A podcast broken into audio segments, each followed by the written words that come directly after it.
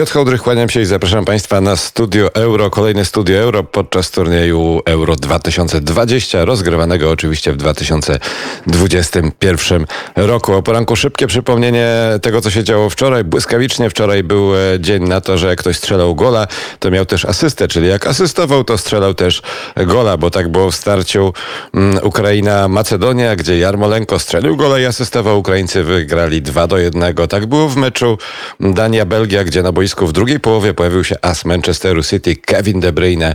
Asysta i gol Duńczycy wygrywają 2 do 1, a w meczu Holandia-Austria Denzel Dumfries um, wywalczył rzut karny, a następnie sam zdobył gola. Później i Holendrzy wygrali 2 do 0. Tyle jeżeli chodzi o dzień wczorajszy. Dzisiaj także bardzo ciekawe mecze. Szwecja gra ze Słowacją i może i tutaj może być dla nas wielka zagwozdka. Ten mecz już o godzinie 15, później mecz Chorwacja-Czechy i na koniec na deser starcie wewnątrz Imperium Brytyjskiego Anglia-Szkocja. A przy naszym telefonie mamy pierwszego dzisiejszego gościa, 37-krotny reprezentant Polski Grzegorz Lasiak jest moim i Państwa gościem. Dzień dobry Panie Grzegorzu. Witam serdecznie. Witam serdecznie. Jak tak patrzyłem, to zdaje się 6 lat spędził pan na Wyspach Brytyjskich, grając w rozmaitych klubach. Rozumiem, że dzisiejszy mecz Anglia-Szkocja będzie dla pana takim też trochę swojakiem.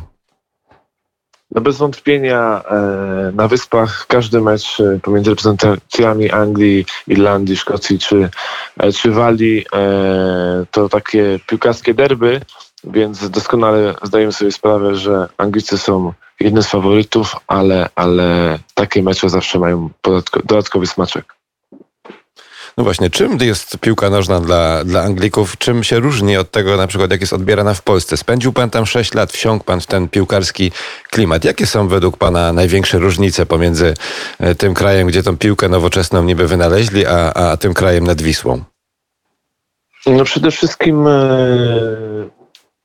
różnice, różnice nie są aż tak e, znaczące, jeśli chodzi o, e, o kibicowanie, bo na pewno sportem numer jeden i w Polsce i w Anglii jest, e, jest piłka nożna, mm, ale jednak, jednak kultura, kultura kibicowania w Anglii jest od dziada pradziada. Myślę, że każdy, każdy kibic y, angielski ma swój zespół i, i jemu kibicuje, ale jeśli chodzi o, o Polskę, to, to jednak y, to Polacy jednak y, bardziej są za reprezentacją niż za klubami. I myślę, że to jest ta główna różnica, że tam u nas każdy kibicuje reprezentacji Pols Polski, a, a Anglicy jednak koncentrują się przede wszystkim na, na piłce klubowej E, a reprezentacja jest tylko dodatkowy smaczek.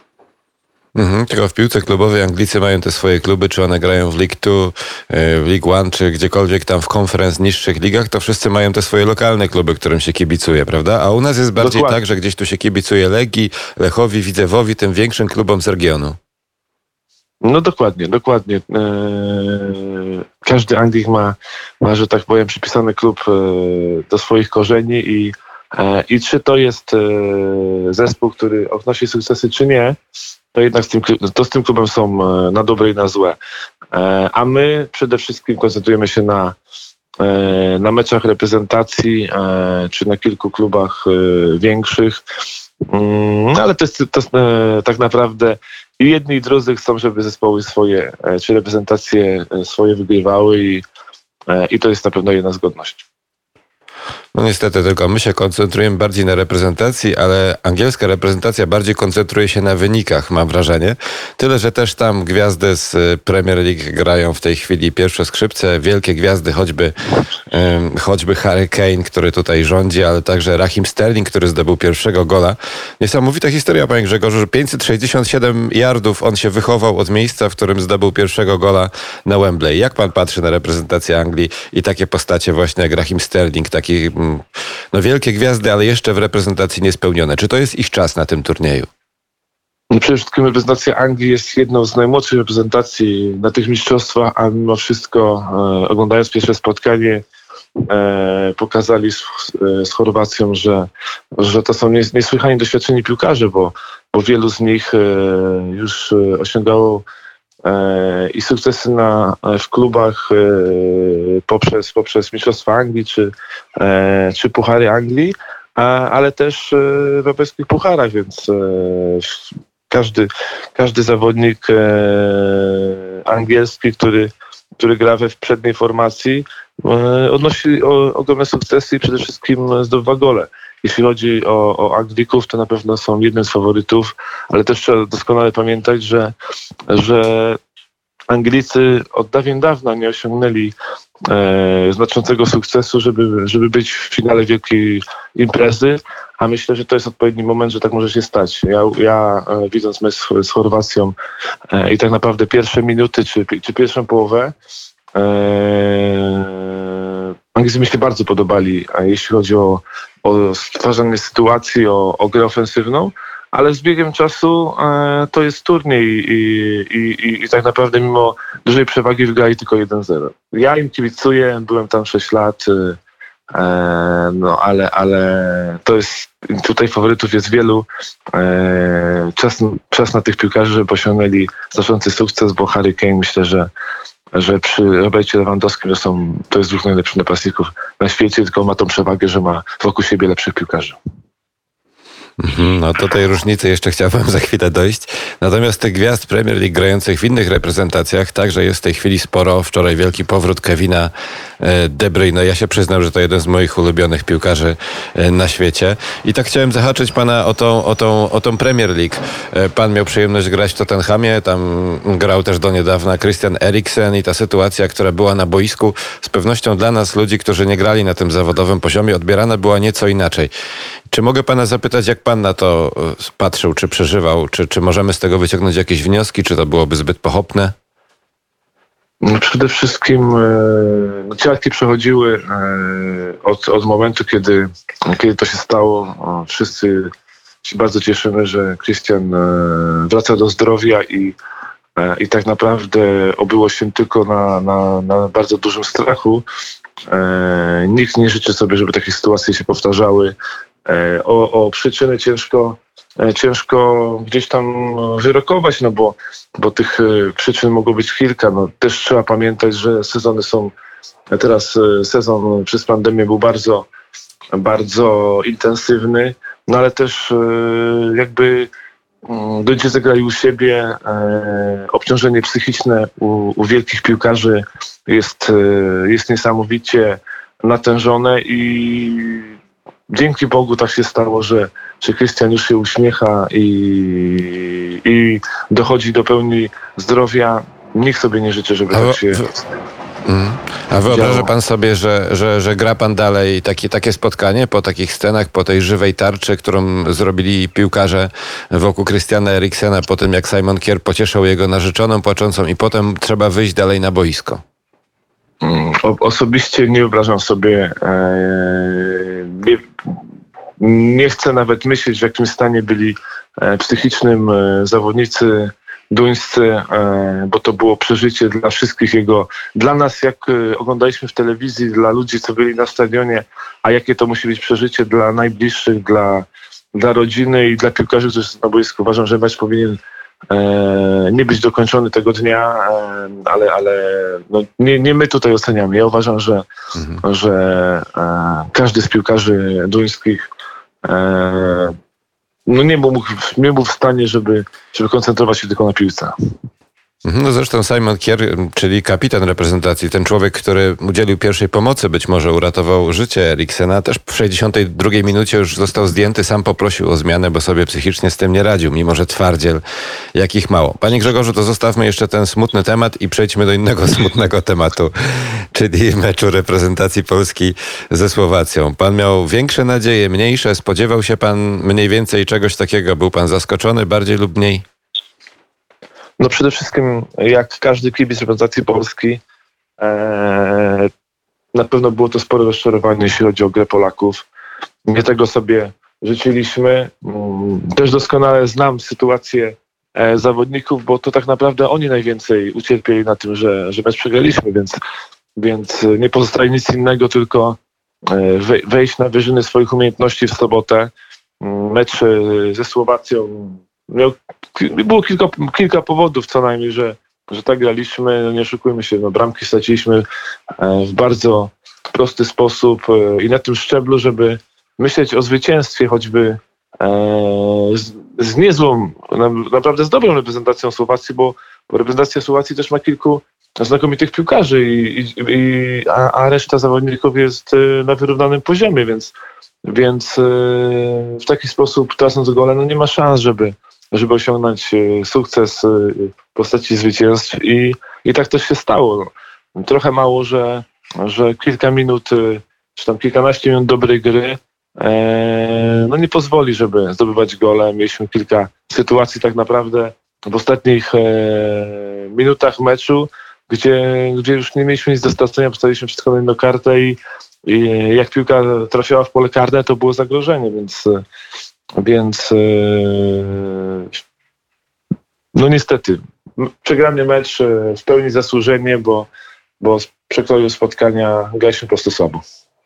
Mhm.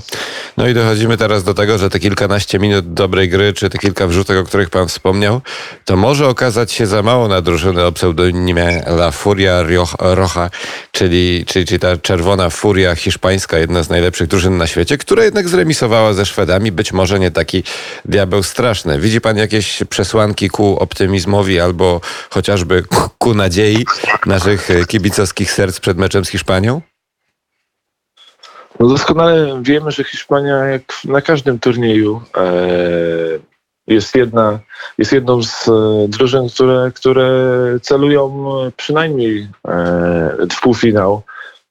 Nie jest to generacja piłkarzy, których, których Hiszpania miała na początku lat 2000, a i powiedzmy jeszcze kilka lat temu. Mecz ze Szwecją pokazał, że, że można nawiązać z nimi walkę. E, że można osiągnąć, e, osiągnąć e, dobry wynik. No poprzeczka postawiona jest bardzo wysoko, bo Hiszpanie grają u siebie w Sewilli. W pierwszym meczu nie zdobyli gola, mając takich piłkarzy, bo, bo tych piłkarzy bardzo dobrych tam jest kilku, czy kilkunastu. Mm, to teraz oni też nie są w najlepszej sytuacji. Myślę, że też trzeba podać szansę w tym, że że sytuacje bramkowe będą. Jako zespół musimy być bardzo blisko siebie e, i, i grać bardzo agresywnie, bo tylko tego Hiszpanie nie lubią. A wiadomo, jesteśmy Polakami, liczymy na sukces. E, jeśli chcemy osiągnąć cokolwiek w tym turnieju, po prostu trzeba to spotkanie wygrać, a, a łatwo nie będzie. Panie Grzegorzu, to na koniec jeszcze pytanie o napastników, bo, bo, bo ma pan tutaj jak największe doświadczenie w tej, e, w tej kwestii. Mm, no, nie mamy Roberta Lewandowskiego wcześniej, graliśmy dwójką napastników, nie mamy Arka Milika, nie mamy Krzysztofa Piątka. E, co teraz z napadem reprezentacji Polski? Co by pan zrobił? Jak pan by to widział tak teoretycznie? Co panu serce napastnika podpowiada? Co, czego możemy się spodziewać może? No. A nie mamy Roberta Trudne pytanie, ja wiem, przepraszam. Nie mamy Roberta Lewandowskiego, czy mamy Roberta Lewandowskiego? Mamy, mamy, mamy. Mówię, mamy Roberta, ale nie mamy, nie mamy Arka Milika, nie mamy no, jeśli... Piątka. Mamy tutaj no, jedną wiesz, latarnię. Yy, bo przede wszystkim, yy, przede wszystkim z Hiszpanią yy, trzeba potrafić się mimo wszystko też utrzymać przy piłce, więc jakby akurat, akurat zespół, zespołem Hiszpanii gdzieś trzeba liczyć na to, że będziemy e, szukać e, kontrataków, gdzie, gdzie Robert e, dostając piłkę potrafi się u niej utrzymać, tylko musi mieć opcję do tego, żeby, żeby ktoś, żeby z kimś piłkę rozegrać, więc więc e, tych sytuacji Robert będzie miał zdecydowanie mniej niż w Bayernie, e, a wiemy doskonale, że, że z każdej sytuacji potrafi strzelić. Mm, więc y, ja na Hiszpanię też bym nie wyszedł dwoma napastnikami, więc cieszmy się, że mamy tego jednego najlepszego piłkarza na świecie, e, bo to też dla niego turniej, gdzie, gdzie Robert y, bardzo chce y, osiągnąć sukces, bo to jest niesłychanie ambitny e, człowiek i dobrze, że go mamy. Jakbyśmy go nie mieli, to dopiero był problem. Mhm. Jeszcze byśmy przegrali ze Słowacją. A nie, przecież i tak przegraliśmy. No tak, ale mamy przynajmniej na kogo liczyć. Panie Grzegorzu, to na ostatnie pytanie jest takie trochę podwłos. Pamięta pan, ile bramek zdobył pan strzelając przewrotką w Anglii? Dwie. Dwie. E, I za pierwszym razem wszyscy mówili z tego, co pamiętam, że nic dwa razy się nie zdarza, a pan zrobił to jeszcze drugi raz. Czyli teoretycznie było to trudne do wykonania. Jeszcze przy pan, pana wzroście wszyscy mówili taki wielki chłop, a pan się tak pięknie technicznie składał do tych goli, które do dziś wspominam. E, czyli jednak może w piłce nożnej wszystko jest możliwe. No muszę panu powiedzieć, że jak najbardziej w piłce nożnej wszystko jest możliwe. Grecy wygrali Mistrzostwa Europy w 2004 roku. Grałem przeciw nim na ostatnim sprawdzianie przed Euro. E, jak ktoś mi powiedział, że e, Grecy będą mistrzem Europy, powiedziałbym, że jest szalony. E, a myślę, że e, z perspektywy czasu polski zespół e, ma lepszy skład niż, niż wtedy Grecy. A tak przy okazji tych, tych przewrotek cieszę się pan, że to, pan do tego nawiązał. Na 50 goli w Ekstraklasie 3 strzeliłem podobnie. No właśnie, no właśnie. Piękna statystyka to jest mimo wszystko. Ja bym tak sobie pomyślałem, że nawet żeby ten Lewandowski strzelił gdzieś tam przewrotką z 18 metra gola i albo ręką ze spalonego, skarnego, jakkolwiek, bylebyśmy coś ukuli, prawda?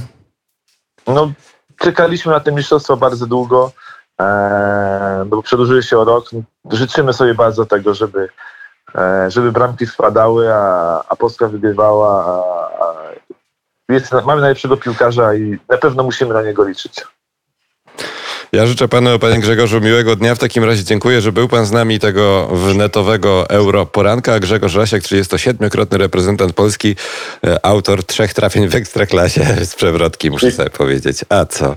Bo to piękna statystyka. Miłego dnia i dziękujemy bardzo. Dziękuję bardzo. Wszystkiego dobrego.